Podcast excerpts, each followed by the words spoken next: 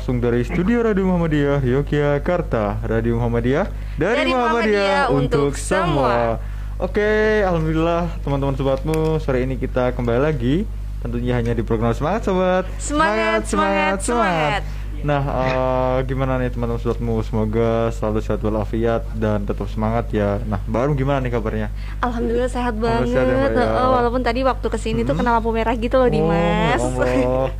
Berarti eh, baru lagi padat ya jadwalnya ya. Tapi Hmm. sem- semoga anu ya Mbak ya, sehat terus ya Mbak ya. Amin, Terus semoga juga teman-teman atau sobatmu semua Iya. di mana pun, Mhm. terus kegiatannya apa pun Iya. tetap sehat ya Tetap gitu. sehat, Dan buat banget. sobatmu yang lagi melaksanakan kegiatan, Mhm. tetap perhatikan protokol kesehatan Kesehatan. dengan Mhm. menggunakan masker dan Ha? juga membawa hand sanitizer di mana pun kamu berada. Bener banget, apalagi eh, lagi-lagi kita masih di masa pandemi dan dengan apa ya istilahnya dengan eh, masa wabah belum berakhir. Betul Bener banget. banget. Dan oleh karena itu eh, semoga teman-teman sobatmu kalian eh, tetap sehat dan tetap bisa beraktivitas seperti biasanya tanpa eh, melalaikan protokol kesehatan.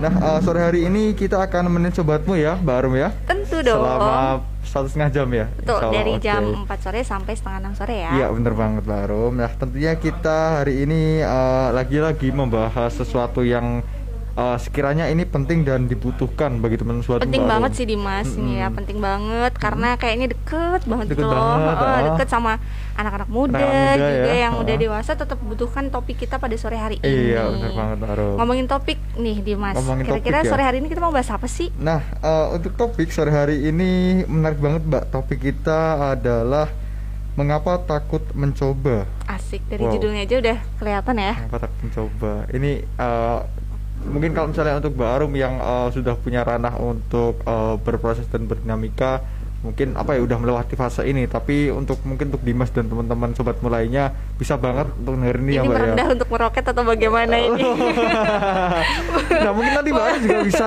cerita-cerita gitu Mbak, oke? Oh nanti kita sharing Oh, aja kita ya. aja, bener banget. Tapi Dimas pernah nggak sih selama ini Hmm. eh, men- apa ya takut untuk mencoba hal baru?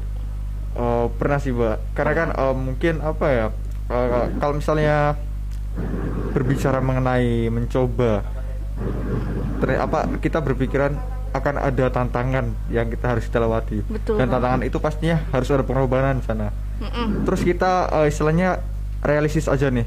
Wah eh, kalau dari diriku sendiri aku belum siap. Aku takut kalau misalnya ntar gagal nah itu kan eh, istilahnya apa perlu suatu apa ya motivasi yang lebih untuk Betul kita banget. bisa melewati itu kan Kalau Dimas kayak gitu ya, kalau Arum tuh biasanya kalau mencoba hal baru, Iya. itu kadang kayak sayang gitu loh meninggalkan zona nyaman. oh Iya kan kayak ah, udah kayaknya udah enak aja di sini mau coba takutnya nanti gagal Kayak gitu lagu ya. Mbak, ya? Iya. oke langsung aja kita nggak sendiri ya mbak ya Tentu dong. karena kita akan ditemanin oleh eh, Kak Vira.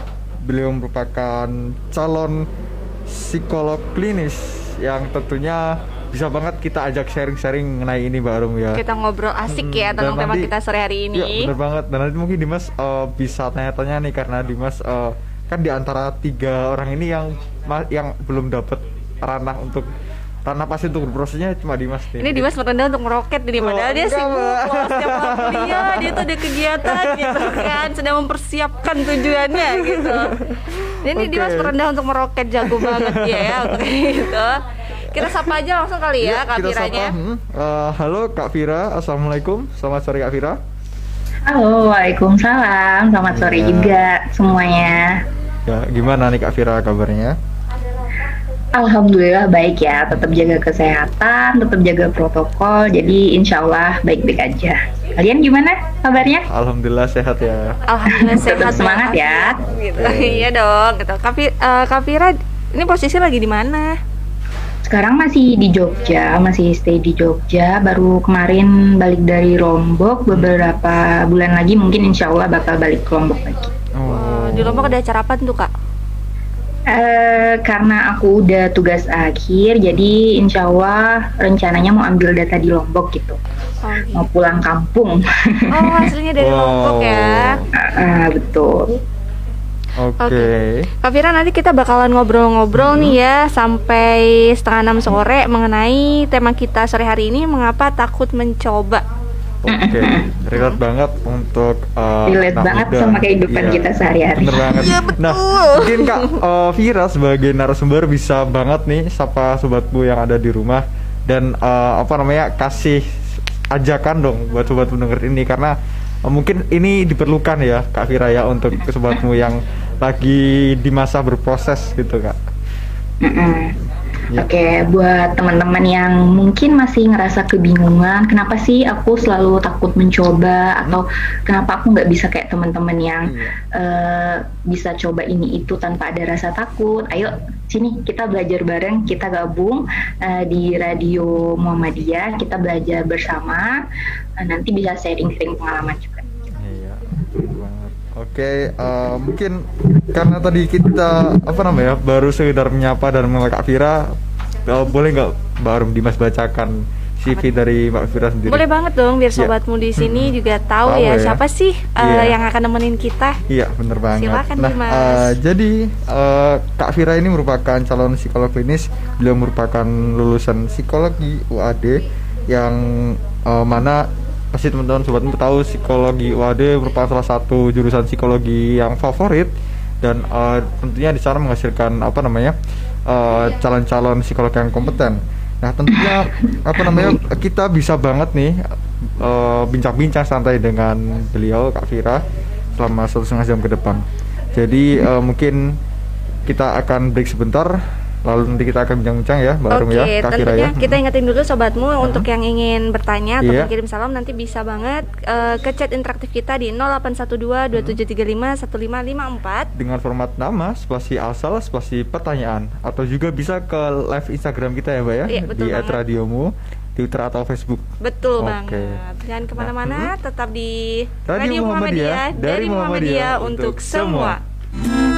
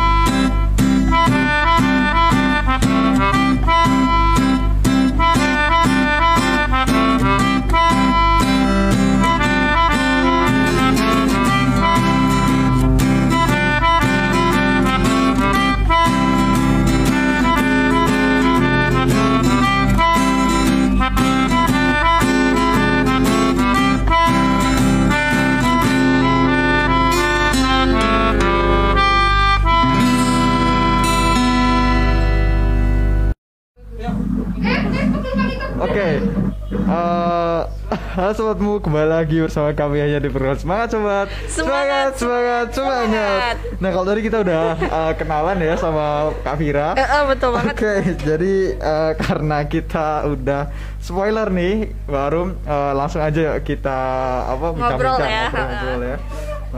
Heeh. Ya, tadi di studio sedikit ada kejutan gitu Iya, ya di kejutan, kita iya. gitu. Aduh. biar nggak uh-uh. biar nggak grogi Biar gitu loh grogi dikasih gitu. kejutan sama tim itunya ya Oke. Aduh. Ya, eh, halo Kak Vira. Halo. Nah, eh, apa namanya? Kita langsung ke pembahasan Kak. Nah, biasanya tuh eh, apa namanya? Di masa usia rentang berapa sih eh, eh, anak eh apa ya? Anak-anak remaja itu suka eh apa? eh, ngerasa agak pesimis ketika mau mencoba hal baru biasanya. Oke, kalau bicara mulai rentang usia berapa, sebenarnya kita dari kecil sudah diajarkan atau ditanamkan dengan kamu harus berhasil, kamu tidak boleh gagal. Jadi eh, hal itu yang memicu kita jadi takut untuk mencoba. Sejak kecil kita takut salah, kita takut eh, mencoba hal baru sehingga eh, tertanam di dalam diri kalau aku coba ini, aku gagal, lalu orang tuaku kecewa atau aku kecewa. Nah, hal itulah yang menyebabkan kebanyakan eh, ketika kita sudah remaja atau menuju dewasa, bahkan ketika masih anak-anak, kita sudah mulai takut mencoba gitu. Hmm. Jadi kalau untuk tentang usia, sejak kapan sih kita mulai takut? Mm-mm. Sejak kita kecil sebenarnya semua orang kan punya eh, perasaan takut ya, Iya. tapi tidak semua orang bisa melawan rasa takut tersebut. Oke. Mm-mm. kalau misalnya tadi Kak Vira gitu ya ini Arum menanggapin ya kak Hmm?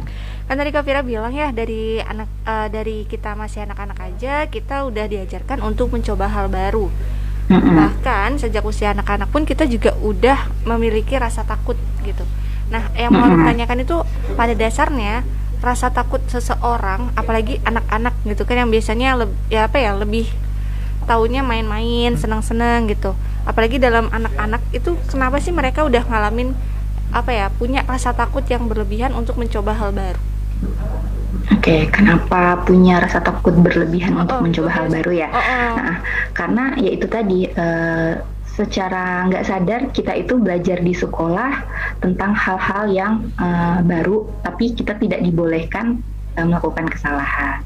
Pun begitu di rumah, di rumah ditanamkan kalau kita melakukan hal yang tidak baik atau gagal, hal yang baru entah apa yang kita coba itu gagal, maka itu bukanlah hal yang baik. Jadi orang tua kita akan kecewa seperti itu. Jadi dengan eh, apa pola yang seperti itu sudah tertanam di dalam setiap orang itu punya rasa takut. Nah, kayak gitu. Jadi kenapa sih bisa ada itu?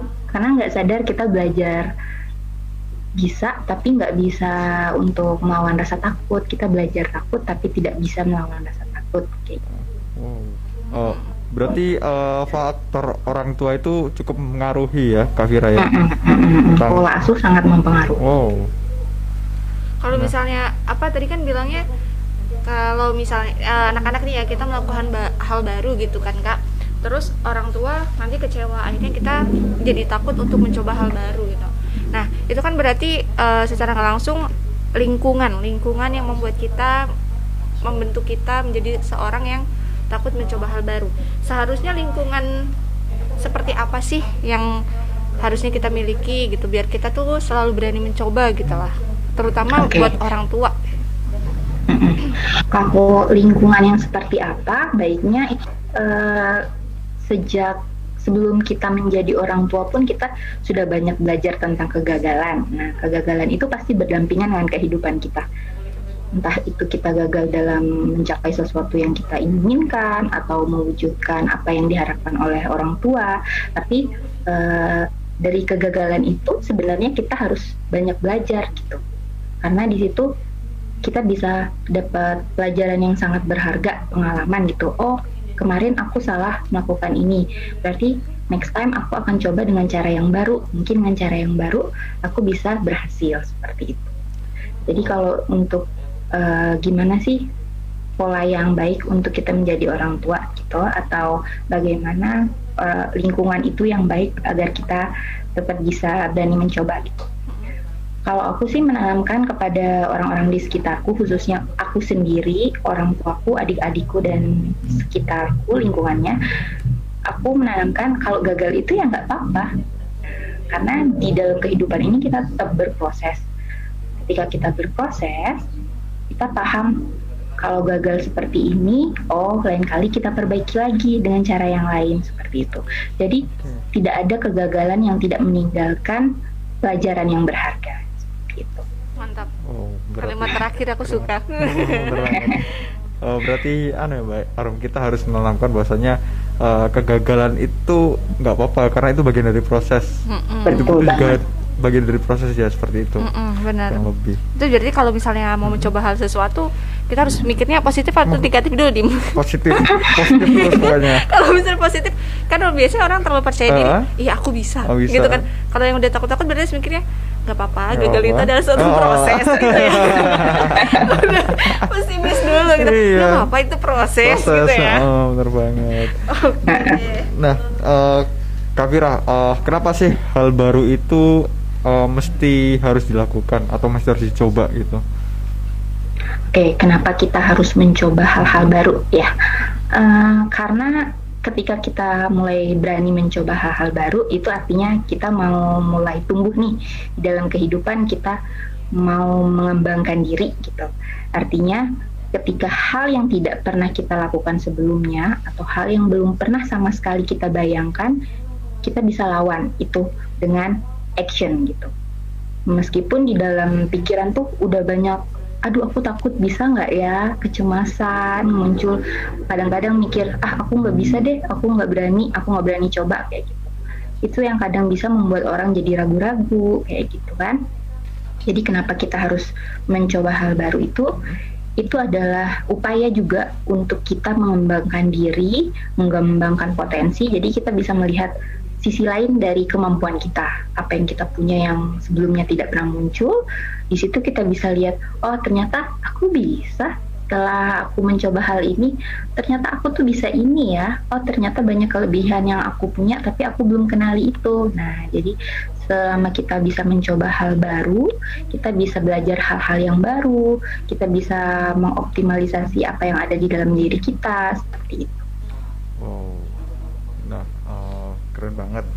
Berarti uh, memang setiap orang itu harus punya keinginan hmm. atau kemauan untuk mencoba hal baru iya, gitu ya bener banget hmm, apalagi apa ya uh, kalau di mas pikirnya tuh teman-teman sobatmu yang notabene apa ya kaum milenial sekarang tuh punya banyak banget sarana untuk bisa apa ya menunjang ketika dia mau mencoba hal baru tuh uh, bisa benar-benar tercapai apalagi kan kita sekarang teknologi semakin maju ya hmm, betul banget, banget yang kita manfaatkan hmm, gitu seperti itu tapi ya Dimas ya kalau hmm. ngomongin generasi sekarang nih ya kan tadi Dimas bilangnya uh, generasi sekarang itu banyak sebenarnya kalau mau memanfaatkan hmm. teknologi banyak banget ya yang bisa yeah. kita olah saking banyaknya kadang bingung, bingung ya.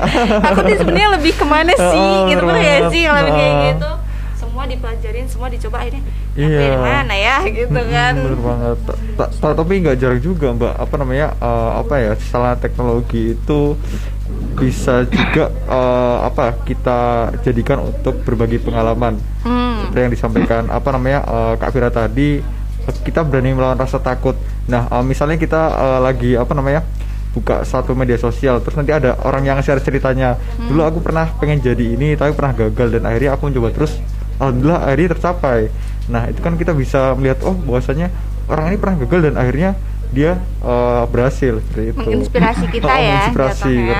seperti itu banget sih kalau uh, kayak gitu di hmm. balik lagi nih kita ngobrol ke yeah. Kafira hmm. gitu kan Kafira uh, hmm. mau tanya nih kalau misalnya tadi disampaikan bahwasannya mencoba hal baru itu tujuannya untuk mengenali lebih dalam potensi hmm. kita terus juga menggali sesuatu yang sebenarnya tuh kita punya kita mampu cuman kita sa sampai saat ini belum tahu gitu kan itu kenapa sih orang biasanya untuk orang dewasa gitu ya orang dewasa itu lebih besar rasa takutnya itu hmm. itu ada kaitannya sama zona nyaman gak sih sebenarnya ada kaitannya dengan zona nyaman atau enggak? Zona nyaman. Zona nyaman. Uh, uh, uh, pasti. Uh, karena orang yang gak berani coba hal baru itu pasti kan udah ah aku enjoy nih kayak gini. Teman-teman aku uh, berani coba hal-hal yang seperti itu. Tapi aku nggak berani ah aku enjoy di sini. Nah orang-orang yang seperti itu biasanya uh, memiliki optimis yang kurang gitu. Jadi dia lebih ke pesimis terus nggak percaya diri dan takut mencoba hal baru karena takut gagal gitu jadi kalau zona nyaman itu kenapa sih membuat kita akan tetap berada di situ dan nggak bisa berkembang? Karena kita tidak pernah mencoba apa yang sebelumnya kita lakukan.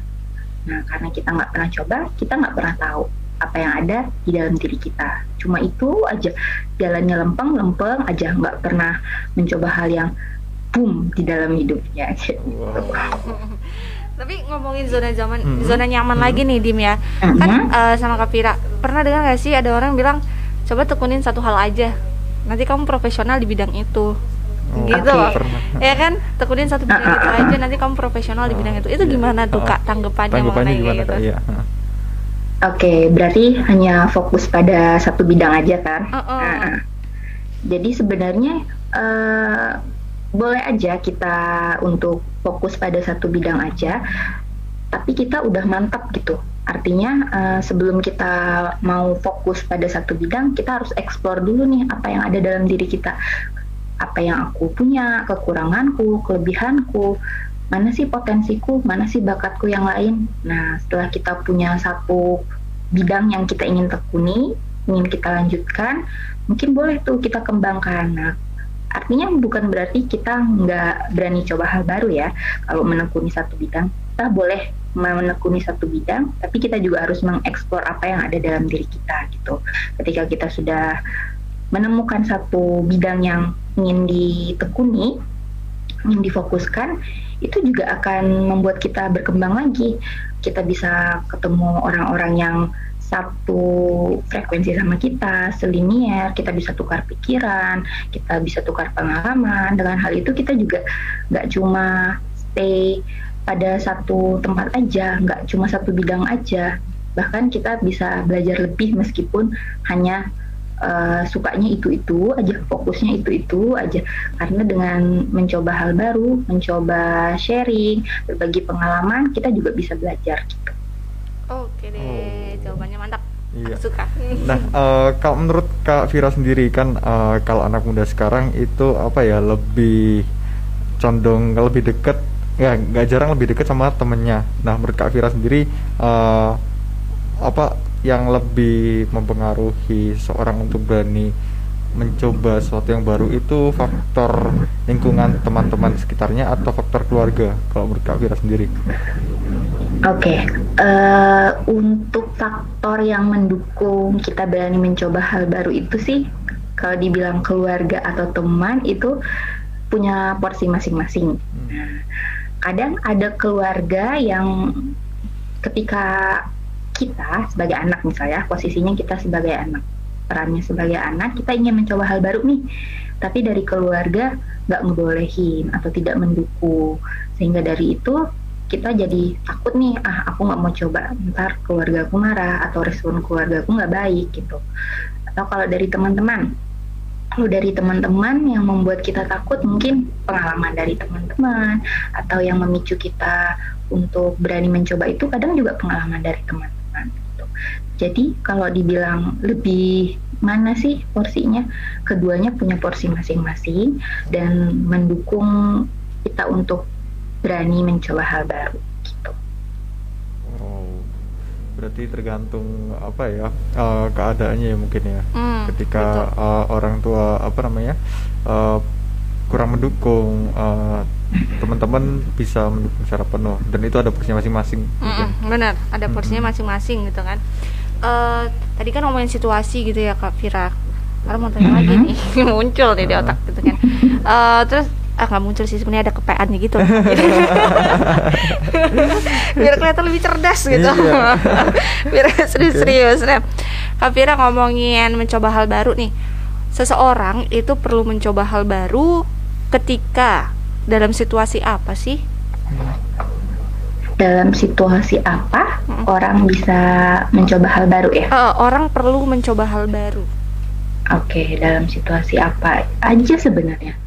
Kalau ditanya kapan sih kita bisa coba hal baru atau uh, pas uh, situasi seperti apa gitu. Sebenarnya uh, sepanjang kita hidup ini itu adalah hal-hal yang perlu kita coba. Benar kan? Ya. Di dalam hidup kita harus coba semuanya. Karena uh, kita hidup cuma sekali kalau kata orang mah. Hidup cuma satu kali, jadi kita harus cobain semuanya apa sih yang buat kita gagal? Nggak apa-apa gagal nggak apa-apa. Ngulang lagi dari awal. Yang penting kita udah berani coba gitu. Situasinya kapan?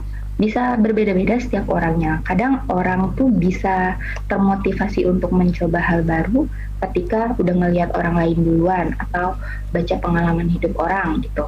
Meskipun awalnya dia uring-uringan, aku nggak berani, aku takutan, aku pesimis. Jadi dia nggak pernah menco berani mencoba hal baru, tapi ketika melihat pengalaman orang lain, mendengar mendengar pengalaman orang lain, dia jadi berani gitu. Dan kalau dibilang kapan usia yang tepat, sebenarnya sejak kecil kita harus sudah berani gitu. Dan itu poin yang penting untuk uh, kita sebagai orang tua nanti kalau kita udah jadi orang tua ajarin juga. Karena ketika gagal anak ketika berhasil itu diajarin. Kalau berhasil berarti kamu sudah melakukan hal yang baik. Kalau belum berhasil masih ada cara yang lain untuk kita bisa berhasil.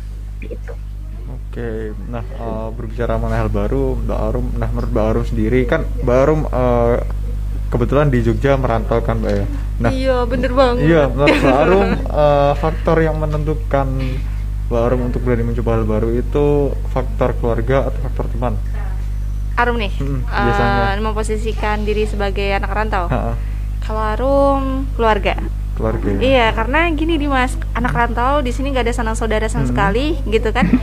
Kalau misalnya nggak bisa mandiri, hmm. gitu kan, nggak apa-apa sendiri, siapa lagi yang mau bantu oh, iya kan iya. ada temen sih cuman kan gak selamanya kita kayak mau nyusahin orang iya. gitu jadi kayak tadinya takut nih hmm. kecilnya belanja deh belanja sendiri iya. gitu kan cewek biasanya suka belanja ayo dong temenin belanja ini belanja itu kan kalau misalnya sama cewek sama cewek uh. kalap uh.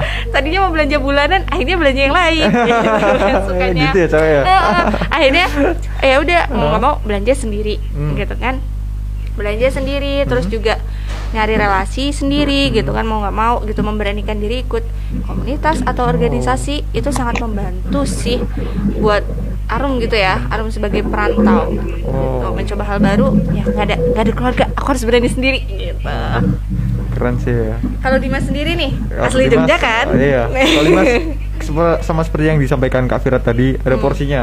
Ada di kala mungkin uh, untuk apa ya uh, keluarga itu mendukung secara penuh untuk Dimas Yakin ada kalian juga teman-teman mendukung uh, secara penuh ketika uh, mungkin uh, apa ya kalau teman sendiri mungkin lebih tepatnya ketika di momentum lagi apa namanya agenda bareng-bareng misalnya atau uh, apa namanya di kampus gitu ya benar banget ya profesional itu. ya mm -hmm. gitu kalau uh, masalah tugas kampus mungkin bisa ya yeah. project bareng itu temen oh, itu memang penting banget sih temen hmm. gitu apalagi kalau misalnya kondisi kita kadang masih kurang semangat iya. gitu kan uh. Temen itu hadirnya temen tuh benar-benar jadi obat gitu loh. Oh. eh nggak sih? Bener. Iya.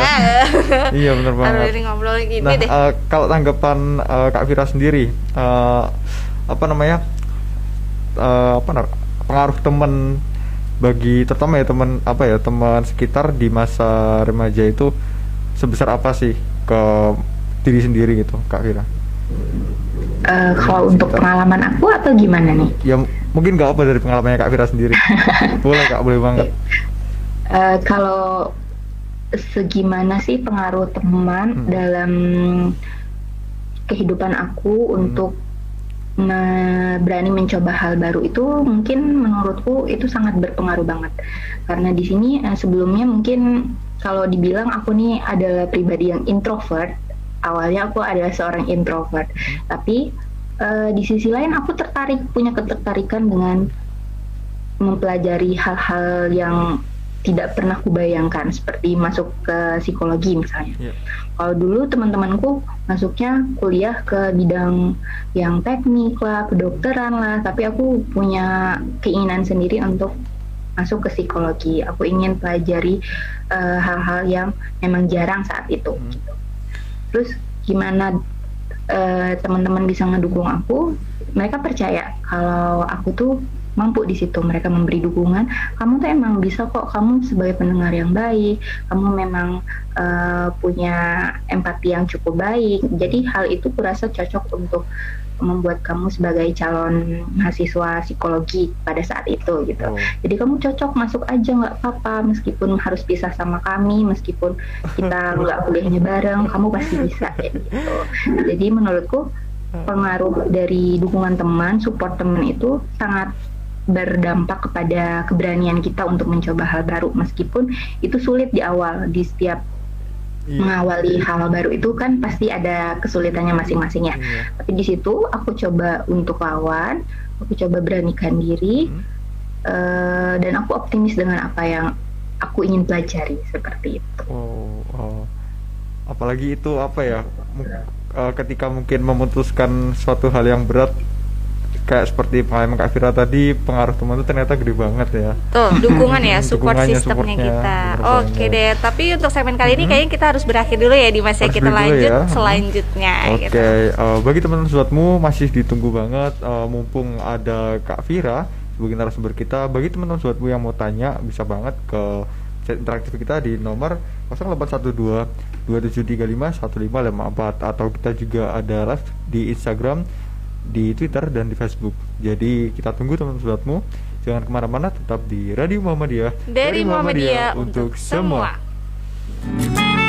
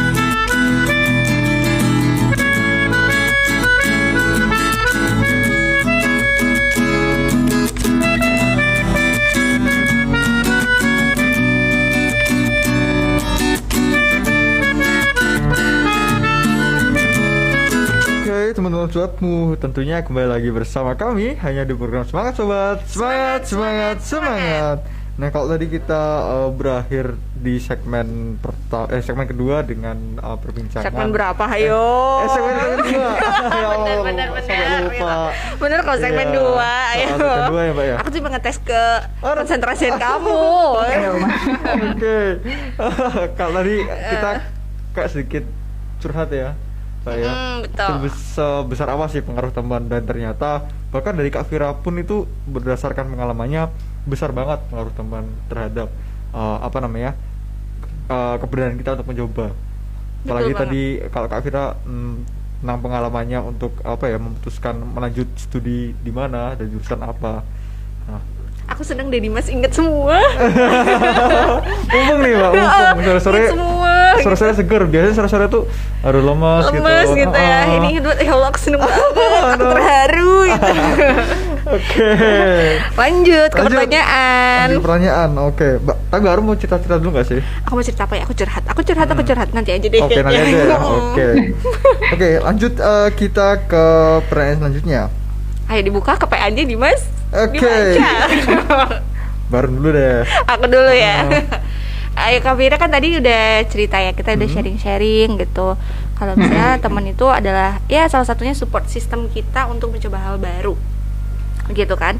Yang mau tanyain adalah persiapan apa aja sih yang harus dimiliki seseorang untuk atau ketika dia ingin mencoba hal baru? Oke, persiapan apa aja yang harus dilakukan oleh seseorang untuk mencoba hal baru ya? Ah, sebelumnya kita harus siapkan dulu nih pikiran kita tuh ditanamkan dengan hal-hal yang positif gitu. Artinya kan karena ketakutan itu muncul dari pikiran juga. Nah, jadi kita harus lawan juga nih, kita tanamkan dulu hal-hal positif dari eh, dengan mencoba hal baru, aku bisa belajar banyak. Dengan mencoba hal baru, aku bisa kenal banyak orang. Dengan mencoba hal baru, aku bisa lebih mengenal diriku, lebih tahu potensiku, lebih mampu mengembangkan apa yang ada dalam diri gitu. Dan yang paling penting banget menurut aku, ketika kita mencoba hal baru, itu hasilnya eh, kemungkinan bisa berhasil pun atau gagal seperti itu. Nah, yang perlu kita tanamkan di sini bahwa kegagalan itu bukan hal yang buruk kok gitu. Artinya kegagalan itu adalah salah satu cara kita untuk menemukan jalan yang lain jalan yang lain gitu belibet ngomongnya jadi ketika kita gagal kita bisa Halo Kak Vira. ah yang mana yang lebih bagus dari cara yang sebelumnya gitu. Ya. Kita tuh bisa belajar eh, menanamkan nilai-nilai positif tentang kegagalan gitu. Artinya gagal itu nggak semata-mata jelek kok. Dari gagal itu kita bisa belajar eh, pengalaman yang sangat berharga tentunya. Dan semua orang rasa pasti pernah mengalami kegagalan seperti itu. Itu yang pertama.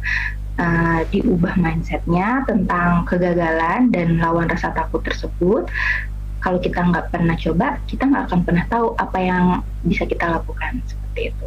Yang kedua, Hmm. eh, kita juga harus berani mengeksplor apa yang ingin kita pelajari gitu, hal baru apa yang ingin kita coba gitu.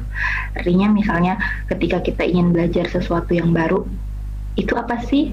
Aku tertarik di situ. Nah, tentunya kita harus banyak belajar tuh, harus banyak baca, harus banyak mengeksplor apa yang sebenarnya kita ingin coba gitu.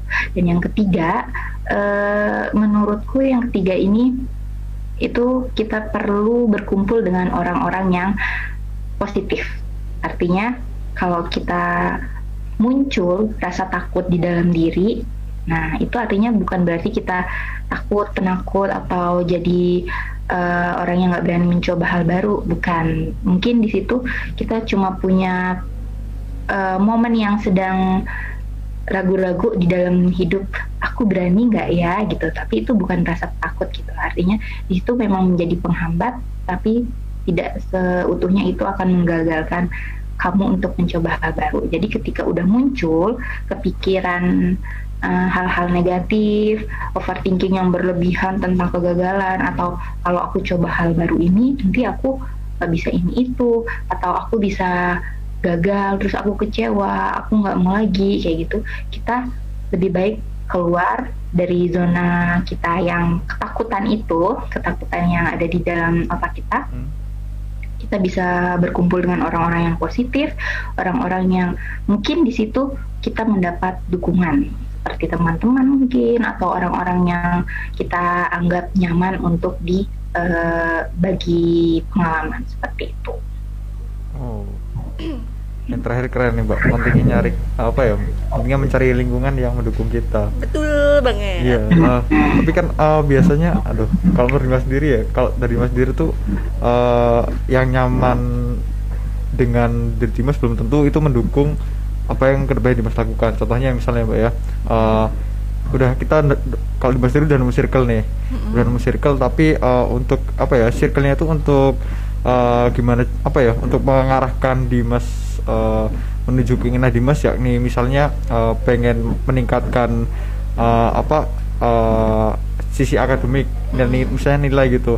Nah, eh, circle-nya tuh nggak mendukung. Contohnya kayak circle-nya tuh eh, ngajak nongkrong terus, bukannya ketika kumpul kita tuh belajar. Nah, itu kira-kira eh, apa namanya cara meninggalkannya gimana sih, Kak Vira? Itu. Gimana Dimas suaranya tadi hilang-hilang itu? Oh, hilang-hilang ya? Oke. Iya ya di Sorry. Iya, ya ampun. eh dia gitu sehari ada sehari enggak nah, gitu kan eh, misalnya ya Kak Wira ya, kalau dari Dimas sendiri, mungkin Dimas sudah nemu circle yang eh, itu apa ya, orang-orang sekitar yang menurut Dimas sudah nyaman. Tapi eh, kenyamanan itu belum tentu membuat apa ya, teman-teman yang udah nyaman itu belum tentu mendukung Dimas dalam ketika mungkin apa ya Dimas ingin mencapai apa yang Dimas inginkan. Misalnya eh, apa namanya Dimas pengen eh, nilai kuliah itu bagus. Tapi eh, lingkaran teman-teman di sekitar itu ketika kita kumpul itu eh, yang ngajaknya main bukan ngajak eh, mengarahkan ke arah itu. Nah itu kan mungkin nggak jarang terjadi ya. Gimana sih eh, cara apa ya cara perlahan untuk eh, men- meninggalkan lah maksudnya eh, meninggalkan apa lingkaran kayak gitu tuh Kak Vira Oke, bagaimana cara meninggalkan circle itu ya? curhatan Iya. ini kak Curhatan. curhatan dari hati Dimas Nanti itu circle-nya pada nonton loh. wah Dimas ini Oke Oke, eh, gimana cara ninggalin circle? Sebenarnya mm, kalau seandainya kita tuh punya circle yang banyak kan nggak apa-apa loh. Artinya ketika kamu sudah mempunyai circle-circle yang kamu anggap aku nyaman, Hmm. aku bisa mengaktualisasi diriku di situ, atau aku punya circle yang A, B, C, D dan itu kriterianya masing-masing gitu, Mhm. beda-beda. Ada yang satu support di dalam uh, minat aku, misalnya minatnya di mas apa, habis itu di dalam akademik atau dalam mengaktualisasi aktualisasi diri di bidang lain seperti itu. Jadi sebenarnya bagi diri sendiri itu circle yang tadi menghambat awalnya kan menghambat tuh menghambat goals kamu sebagai seorang Dimas gimana sih biar ninggalin ah kalau saran dari aku sih nggak perlu ditinggalin Hmm. artinya eh, ketika kita udah punya kenyamanan atau linear satu pemikiran tentang suatu hal dengan circle tersebut kita udah cocok tuh. Nah ketika eh, bicarain hal lain dengan circle itu tapi nggak nyambung gitu atau itu kita rasa menghambat Hmm. itu nggak perlu ditinggalin. Artinya kita boleh nih kita buat circle lagi circle yang eh, ingin kita capai goalsnya. Seperti tadi misalnya nilai akademik yang ingin dicapai supaya lebih bagus gitu. Kita bisa buat circle lagi dengan orang-orang yang kita anggap kompeten nih. Hmm. aku bisa gabung sama mereka aku bisa belajar banyak aku bisa cari teman yang lebih banyak lagi tanpa harus meninggalkan circle yang itu. Karena apa? Mungkin uh, sometimes kita bisa balik lagi ke circle itu malah kita nyaman. Ih aku pengen lagi deh main sama mereka tukar pikiran tentang uh, A B C dan lain-lain gitu. Nggak mesti mereka uh, karena circle yang kita anggap udah nyaman jadi harus selalu ngedukung. Enggak jadi artinya kita lebih mengeksplor lagi temanan kita link kita. Jadi kalau mau mencoba hal baru itu artinya kan kita nambah teman juga. Iya, benar banget. Wow, uh, luar biasa banget ya Mbak Arum ya. itu pengalaman pribadi ya Dim ya Enggak sih, enggak, enggak serius, enggak, enggak. Ini pengalaman pribadi Dimas, aku juga pernah ngalamin ya gitu. Kayaknya aku pernah di posisi itu. Oke, kita Eh, Kak Fira, aku Huh? mau tanya nih. boleh? Ya, mau tanya ya Dimas Hmm. ya gitu. Eh, apakah ketika kita mau mencoba hal baru gitu, hal baru itu harus yang bersifat produktif? Hmm, hal baru itu apakah yang selalu bersifat produktif? Enggak. Jawabannya dari aku sih enggak. Kalau hal baru itu eh, bisa berupa hal-hal yang kamu sukai misalnya tanpa ada eh, faedahnya gitu ya atau di kemudian hari ih nggak guna ih aku coba ini tapi nggak ada pengaruhnya di dalam kehidupan aku nggak jadi hal-hal baru itu tidak melulu hal yang produktif hal-hal baru itu bisa saja kita lakukan dengan hal-hal yang kita sukai gitu. Hal-hal sederhana aja deh misalnya. Kalau misalnya aku sendiri nih aku diajakin sharing kayak gini mungkin sudah pernah beberapa kali. Cuma kalau yang untuk jadi misi pembicara seminar besar aku belum pernah. Terus aku ditawarin aku coba nggak ya? Itu kan hal produktif ya nambah pengalaman. Oke aku terima gitu. Kalau seandainya eh, hal-hal produktif lainnya aku bisa lakuin aku bisa coba hal baru itu kenapa enggak dengan hal-hal yang aku sukai gitu. Artinya nggak selalu tentang hal produktif yang bisa kita pelajari. Hal yang kita sukai aja yang hal yang sederhana misal dari kayak eh, punya hobi masing-masing atau hobinya teman kayaknya menarik deh. Tapi itu menurut kita itu nggak produktif hobinya atau hal-hal yang kurang berfaedah gitu tapi di situ kita akan banyak belajar juga gitu Jadi apa pun itu, eh, kalau misalnya kita punya minat di dalam bidang tersebut, harus tetap dicoba gitu ya kak. Iya. Nah. Nah, Ada pertanyaan lagi nggak nih Dimas? aduh. Mbak udah udah keluar semua sih, udah lega gitu. Oh gitu ya. Kalau Oke. udah lah kalau gitu harus lagi yang tanya ya. Ini loh Kak Fira, gimana sih cara mengatasi rasa takut? Oh. Susan deh, kadang tuh ya, misalnya nih Dimas sudah Mhm. ke- terbiasa ngomong di Mhm. depan kamera, Hmm. tapi belum tentu, walaupun mungkin udah berkali-kali ya, Oh. ada momen nanti di beda tempat, Tempat. nyoba tetap nervous gitu Ah, loh. nervous, iya, Pernah nggak sih kayak gitu? Atau Mhm. kadang mau coba hal baru gitu ya kak? Iya. Kayaknya aku suka deh sama hal ini. Kayaknya aku Mhm. pengen banget belajar gitu. Udah Mhm. cari-cari tuh informasinya. Dia mau nyoba, maju mundur tuh kakinya gitu. Itu kayak gimana sih? Bener-bener kayak biar ah, punya tekad yang benar-benar ya aku mau coba hal baru itu rasa takutnya aku lawan itu sih kayak yang benar-benar kadang tuh masih ada gitu di dalam Iya. diri Arum gitu Hmm. konsultasi nih gue Konsultasi. Aduh. Bisa di balik layar ya. Oke, eh, itu kan berarti masih muncul pikiran-pikiran negatif dari overthinking ya, Hmm. overthinking yang kadang overthinkingnya itu bisa jadi pikiran negatif gitu. Jadi muncullah rasa cemas, rasa ragu untuk memulai, untuk mencoba. Jadi kalau seandainya eh, udah dipelajari nih, udah persiapan, aku udah punya circle yang ingin aku coba, aku udah pelajari apa yang ingin aku coba.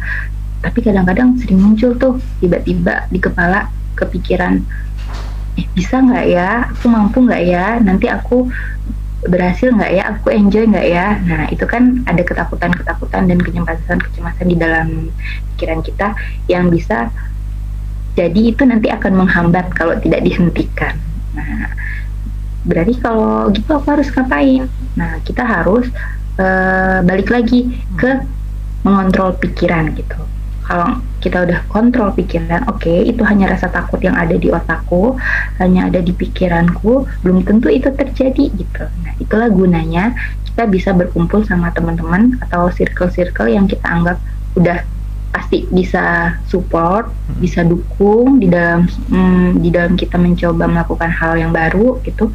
Itu gunanya kita diskusi gitu. Setelah kita diskusi, pasti kan kita ngerasa oh orang lain aja bisa, Hmm. kita apalagi harus bisa dong kayak Iya. gitu. Jadi belajar dari pengalaman orang, Hmm. kumpul-kumpul sama orang yang positif.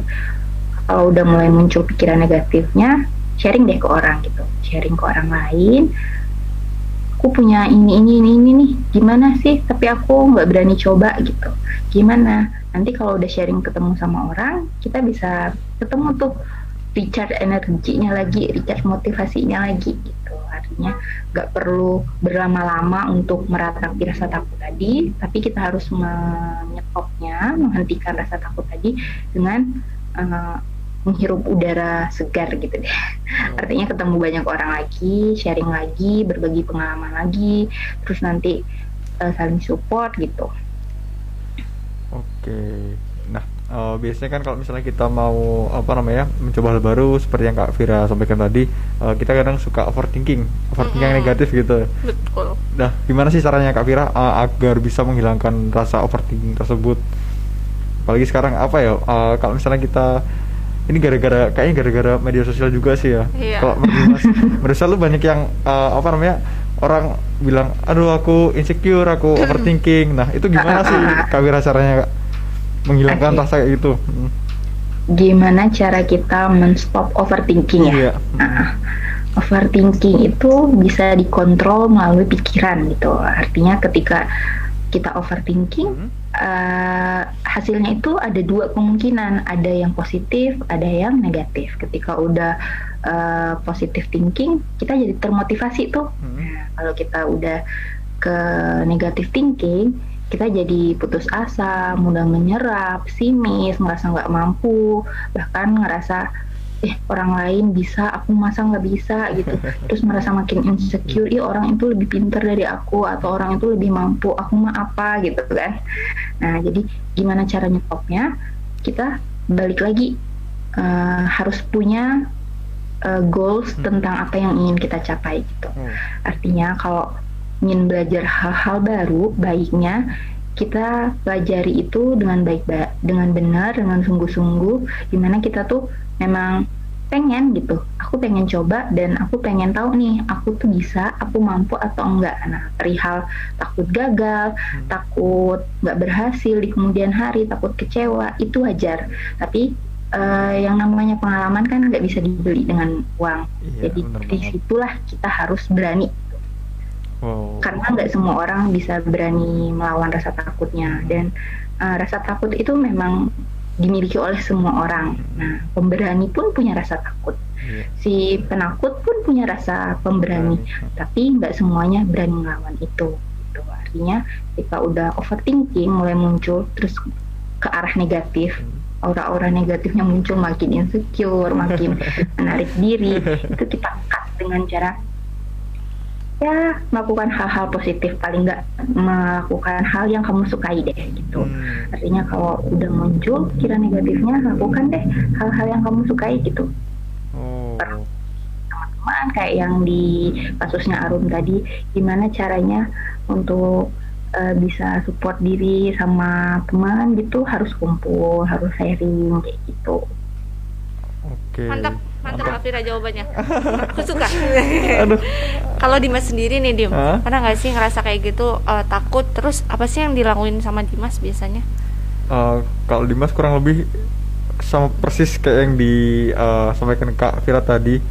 Persiapkan dulu pelajari dulu apa yang ingin kita coba. Hmm. nah jadi kita udah punya gambaran seenggaknya. Nanti mungkin ketika apa namanya aku apa namanya ingin melangkah ke A tapi agak belok sedikit hmm aku udah punya gambaran oh uh, aku nggak boleh belok aku harus lurus biar sampai ke A itu gitu. anak rajin anak tertata di sini ya dipersiapkan dulu oke okay, uh, tapi kayaknya ini menarik banget ya kalau misalnya uh, teman-teman suatmu bagi yang ingin tanya karena uh, langsung aja kita bahas seputar uh, kehidupan sehari-hari dan bisa banget nanti apa yang uh, ditanyakan kemudian diterapkan di gitu. Hmm, betul banget. Jadi untuk sobatmu kembali kita ingatkan yang mau kirim salam, salam ataupun pertanyaan, pertanyaan. bisa uh, lewat chat interaktif kita di hmm. 0812 2735 1554 Oke, okay, atau oh dengan format nama, spasi asal, spasi pertanyaan atau salam. Hmm. Dan kita juga ada di media sosial di at, eh, di live Instagram @radiomu atau Twitter atau Facebook juga ada.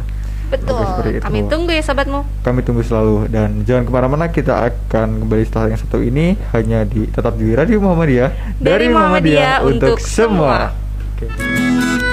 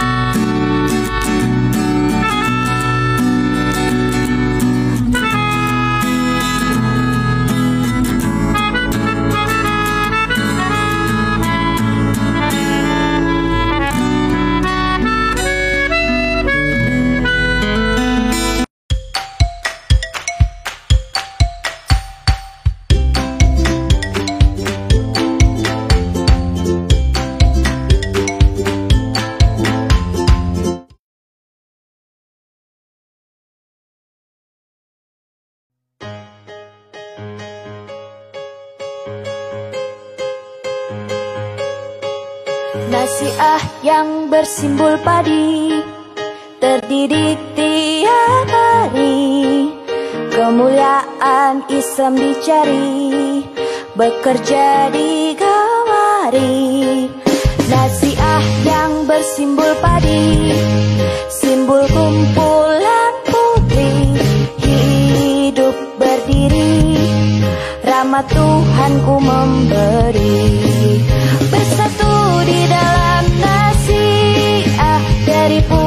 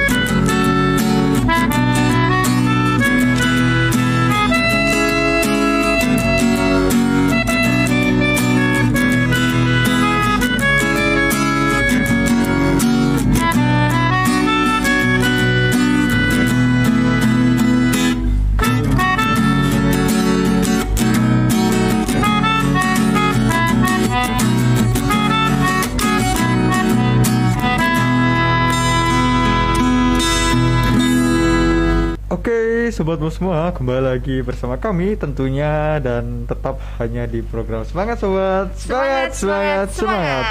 Nah, kalau tadi kita udah eh, bincang-bincang ya. Tapi bincang-bincangnya santai. Nah, Santai kita dan buat aku semangat. buat semangat.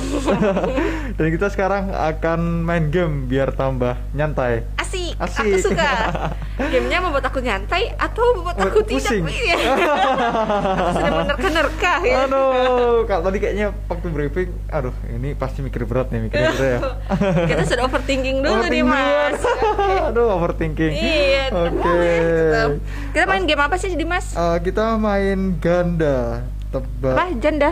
ganda ya ampun oke Aduh, telingaku. gabung gabung benda Pak. Oh Aduh. ya, ganda. ganda. ya. Nah, eh, gamenya itu menggabungkan dua kata benda sehingga menjadi satu kombinasi yang unik. Jadi random dikit nggak apa sih. Oke. Kita kreatif ya. Ya, kreatif. Aduh, makanya ini kita aduh mikirnya agak agak ningkat Out gitu ya. box, kan Out of the harusnya, box, iya. ya. Oke, langsung Ini aja. Kita main bertiga ya. Main bertiga. Oh, oh, tapi Nah. nanti itu gimana? Oh, oh, Katanya. kalau- apa? Kata pertamanya Oh, kata itu. pertamanya. Kata pertamanya Kita milih Ah, kartu. Milih kartu. Iya. Terus nanti kita sambungkan ya, Mbak ya. Uh-uh. Oh, berarti mau tanya dong tim teknik. Hmm. Ini berarti satu orang ambil satu gitu ya? Oke. Oke. Wah, kita kayak main itu loh. Hmm. Apa? Remi. Kayak oh, sih Remi, namanya. Iya. Kartu. Siapa dulu nih? Kafira main kartunya virtual ya. Oh, Oke aduh. oke oke. Nanti aku bacain gitu. Siapa, Iya. Oke.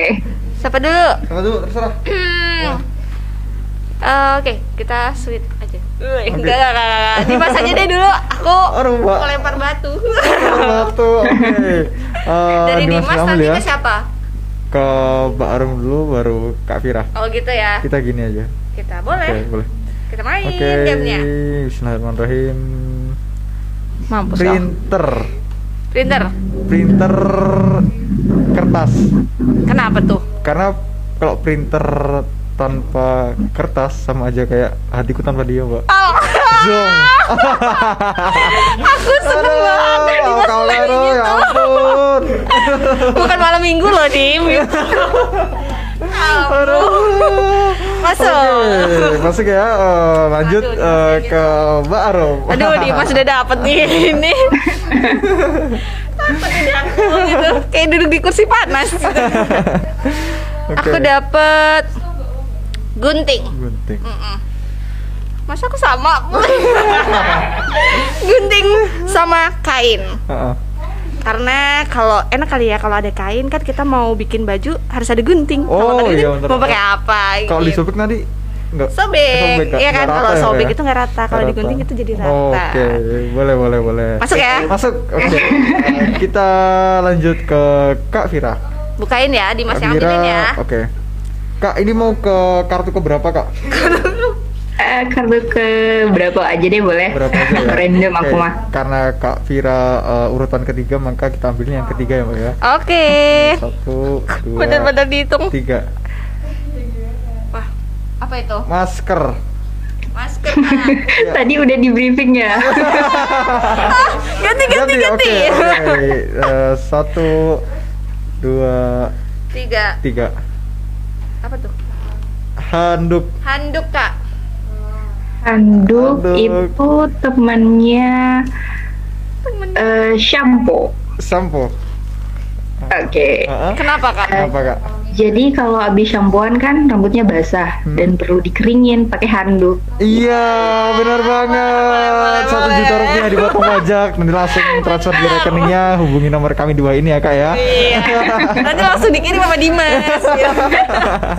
Oke, oke. eh, sejauh ini kita masih nyambung semua ya. Kasih. Oke, kita Lanjut. lanjut, ke Dimas lagi. Oke. Eh, tadi punya, oh ini ya, Iya. Oke. Kamu dibagi-bagi. Kita bener kayak mau main remi. Penggaris, Penggaris. penggaris sama, aduh. Ayo Dimas, ayo, ayo, ayo. Dihitungin nggak? Dihitungin nggak? Dihitungin nggak? Dihitungin nggak? Nggak kan? Satu. Oke. Dua. Ayo, tiga. Penggaris sama kapur. Oh kenapa? Karena tetap karena karena aduh karena kalau karena kalau gak ada kapur gak bisa ngajar gurunya Terus penggarisnya ke mana? oh iya Penggarisnya ke mana? Oh, iya, satu poin. Ah, ya ampun. satu poin. random oke oke oke Aku ya. berarti mas kalah ya Enggak, satu ya, satu, oke poin kalah. poin kalah oke Arum ya kak. Arum dapat buset dah. Dapatnya sarung tangan. sarung tangan oke Mau digabungin sama hand sanitizer. Heeh. Enak kali ya kalau Enak. misalnya sa- sarung tangan ada hand sanitizernya, Heeh. nggak perlu dilepas langsung cuci tangan. Eh. Bisa, bisa kan basah-basah gitu. Oh, ya ampun random banget tolong. Ini nyambung tidak? Tolong. Gimana gimana nih? Gimana Juri. tim? Juri, juri, juri, tolong juri. Nggak nyambung. Ya harus Oke. gimana sih? Oke, aku kalah satu. Oke, kamu satu. Berarti yang masih bertahan Kak Vira ya? Oh iya, oh, buset dah ini. Oke. Kita dulu. Mm-mm. Yuk, pilih untuk Kavira. Kak Vira. Oke. Aduh, otakku mulai ngeblank. Tas ransel. Tas. Tas ransel digabung dengan laptop dan buku. Buset dah, gimana itu kak? Sorry, aduh. Artinya tas ransel itu bisa nampung laptop dan buku-buku kalau kita lagi pergi ngerjain tugas. Oh. Gitu. Baru. Bisa kak? Bisa nih, Dewan Bisa. Juri? Bisa. Aduh, berani Kayaknya ya. kita kurang minum sama yang dia aja. Bener banget. Kurang aku ah. Panas, Panas. gitu. Di studio panas. gitu. Lanjut, Jadi Lanjut. udah overthinking duluan cuman. duluan, bener banget. bener.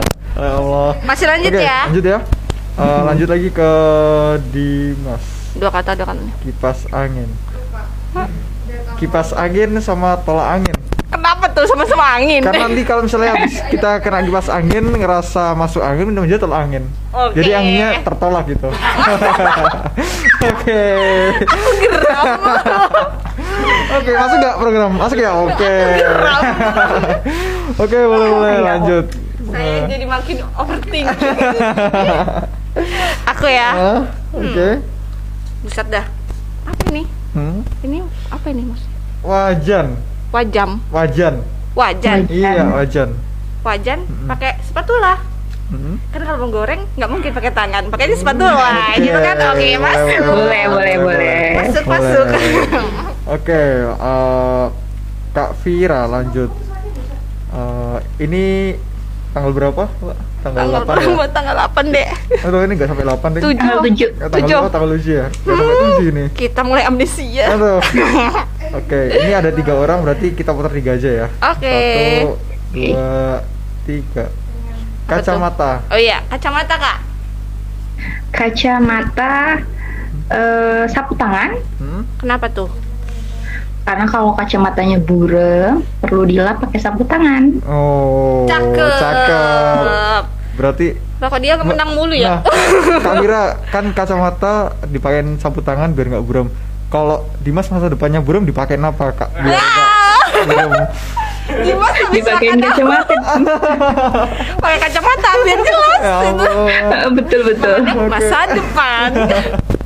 Dimas habis makan apa sih hari ini? Nggak tahu. Tolong tim teknik ini kenapa rekan saya? Oke, kita lanjut. Cakep, gitu. Ke Dimas. Balik lagi ke Dimas Sandal. Ya. Wah. Sandal. Aduh, parah nih. Sandal. Eh, sandal sama gembok. Kenapa? Karena kalau eh, Jumatan itu harus bawa sandal sama gembok. Nanti kalau misalnya gak bawa gembok, esotnya hilang. Oh gitu. Gitu, kan harus pasang. Masa ini? Oke, Masuk. gimana? Bisa, bisa ya, bisa. oke. Oh bisa bisa. Oke. Iya. Aku suka banget Dimas hari ini kayaknya lagi semangat gitu loh dia bercanda. Cakep deh gitu. Oke, lanjut Tadi udah ya? lagi. Aku ya udah. sekarang. Hmm. Boleh. Wah kartunya sudah mu- mulai Udah habis. mulai habis. Aku ambil. Sisa aku ya? Arum dulu kan ya? Oh Arum ya? Iya. Hmm. Aku dapat Sampai siapa? Oke, pulpen. pulpen. Mm-mm. Aku mau pasangin sama kertas. Karena kalau pulpen harusnya ditulisnya di atas kertas. Mau nulis itu nama dia dia buat nama Aduh, ada dianya sih. dia gitu loh. Oke. Jiwa-jiwa jomblo ronta-ronta kayaknya hari ini. Oke. Masuk eh, ya? Masuk lagi eh, ke Kak Vira. Kak Vira. Kak Vira. Ya, Boleh mobil. Mobil kak. Mobil eh bareng Aki deh. Oh sama Aki. Kenapa kak? Mm-mm. Karena kalau nggak ada Aki, mobilnya nggak bisa jalan. Jadi kita nggak bisa pergi-pergi. Aduh betul Oh, banget. banget, Kak. Kita kita itu siapa kak? kita and someone. Bagus eh, Selanjutnya nih. Mungkin Cukup ya? Masih ya, cukup ya. Iya, Oke. eh, Aku suka deh. Aku pikir tadi gamenya tuh akan susah sekali gitu. Ternyata seru Dimas. Aku suka deh. Apalagi Dimas hari ini tuh recehnya dapet. Gitu. Kayaknya Dimas tuh habis patah hati gitu loh Kak Fira hari ini. Dia malah Nah, biasa Dimas nggak kayak gini. enggak, dia meluapkannya lewat games tadi gitu. boleh, boleh. eh, boleh jadi eh, agak ada ice breaking sedikit ya Kak Betul. Vira Mbak Arum ya. Nah, eh, jadi teman-teman sobatku masih kita tunggu banget yang mau bertanya ataupun kirim salam. Tapi kalau dimasaranin tanya aja sih karena ini relate banget sama kehidupan sehari-hari dan tentunya teman-teman sobatmu eh, bisa banget apa yang nanti disampaikan oleh Kak Vira itu jadikan eh, pupuk untuk eh, lebih semangat lagi untuk lebih yakin lagi ketika ingin mencoba hal baru. Kurang lebih seperti itu. Pupuk antara hubungan aku dan dia. Waduh, ya ampun. tidak tidak sudah cukup cukup cukup Cukup, gitu cukup, cukup, cukup. oke sobatmu Oke. di, eh, jangan ke mana-mana karena kita akan kembali Hah? lagi Tetap di Radio Muhammadiyah dari, Muhammadiyah, untuk, semua. Oke.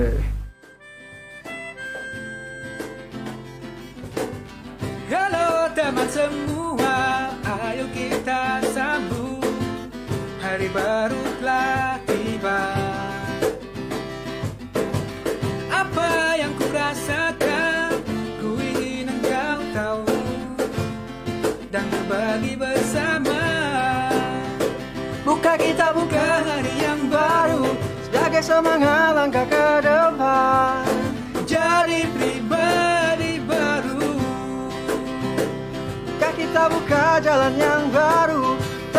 senyum wajah gembira. Dalam suasana baru. Bukalah, bukalah semangat baru. Bukalah, bukalah semangat baru. Bukalah, bukalah semangat baru. Bukalah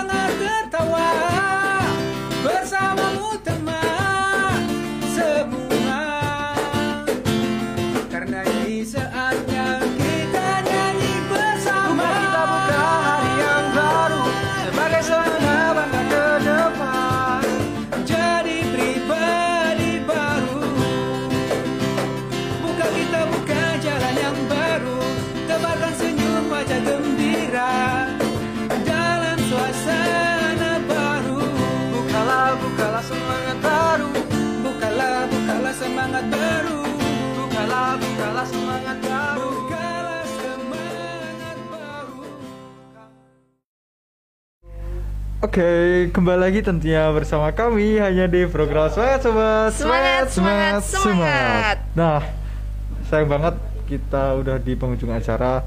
Padahal kalau misalnya kita mau bahas topik ini bisa sampai dari bis- bisa kayak dari hari Senin ke Sabtu nggak lama bener banget. harusnya kita harusnya ketemu di luar sih Ketemu Bim ya gitu ya. janjian sama Kavira gitu kita bincang-bincang di luar gitu Iya, nah, kerasa uh, banget ya 90 menit itu cepet banget cepet kita nemenin banget. sobatmu dan berarti itu udah waktunya kita untuk pamit undur, pamit undur diri. diri dan uh, mungkin sebelum itu kita uh, Dimas membacain nih mbak apa namanya uh, pesan-pesan atau poin-poin yang disampaikan Kak Fira tadi. Uh, bahwasanya ketika kita ingin coba hal baru tentunya kita harus uh, bisa ma- ma- memaknai bahwasanya uh, hidup kita itu adalah sebuah proses. Yang namanya proses pasti ada kegagalan dan ada keberhasilan Kemudian yang kedua, yang kedua itu kita harus berani keluar dari zona nyaman kita, yang artinya uh, kita harus berkorban yang mungkin sekiranya kita uh, di posisi sekarang udah nyaman banget, tapi ternyata kita sadar nih kita punya tanggungan masa depan, kita punya tanggungan untuk menjadi orang katakanlah seperti itu. Nah kita makanya harus uh, keluar dari zona nyaman.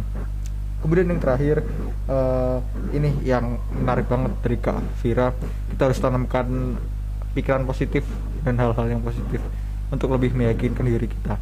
Apalagi uh, di masa sekarang ini uh, apa ya banyaknya teman-teman, banyaknya apa namanya uh, circle, banyaknya media sosial tuh belum tentu menjadi kita tambah yakin. Bisa jadi itu apa ya membuat kita overthinking atau insecure seperti itu. Makanya kita harus menanamkan pikiran yang positif kepada diri kita sendiri.